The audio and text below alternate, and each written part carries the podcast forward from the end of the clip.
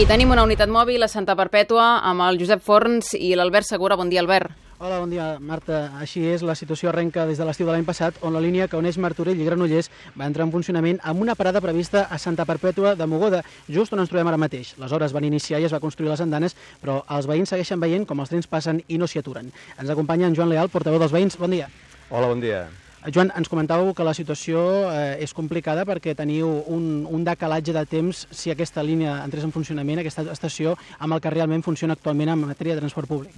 Així és, eh, tal com tu has dit eh, al principi de la presentació, aquesta línia fa 18 mesos que està, que està acabada i bé, tenint la andana feta, tenint la, hem suportat com a, dia rere dia, pues, a camions entraven i sortien, han, han construït do, dos ponts, han construït tota la catenària, han construït totes les instal·lacions i, sin embargo, pues, el, veiem que el tren passa per davant dels nostres nassos i no, i no para. Que, eh, I això és una problemàtica, és una problemàtica perquè eh, per exemple, pues, els nostres fills eh, que van a la universitat eh, pues, estem només en una parada eh, de, que és la parada de, de Bellaterra, i eh, la qual comporta pues, eh, simplement 5 minuts, 5 minuts per anar a Bellaterra.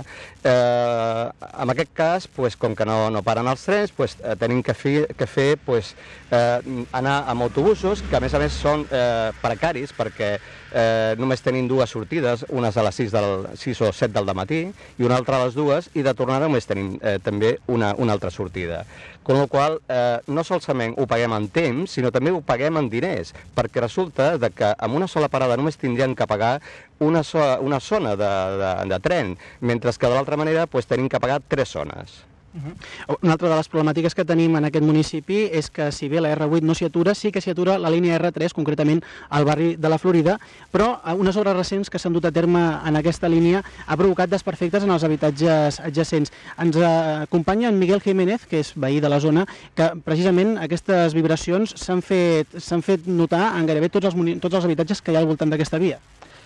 Bueno, buenos días. Pues efectivamente llevamos ya meses eh, denunciando tanto al Ayuntamiento de Santa Perpetua como a la Generalitat eh, los prejuicios que nos está comportando el paso del tren por, por la zona de la Florida y, de la Llagosta. Eh, ya se ha denunciado retiradas veces eh, las grietas que están apareciendo en las casas, el, desplome del terreno, al igual que eh, lo que está ocurriendo en los puentes donde pasa donde pasa el tren, que está desprendiendo cascotes continuamente, los bomberos ya han ido más de una vez y parece ser pues que no, no, no se hace caso. Eh, también se han hecho estudios de, del ruido ambiental eh, que sobrepasan en, con creces el permitido y aquí nadie da respuesta al tema.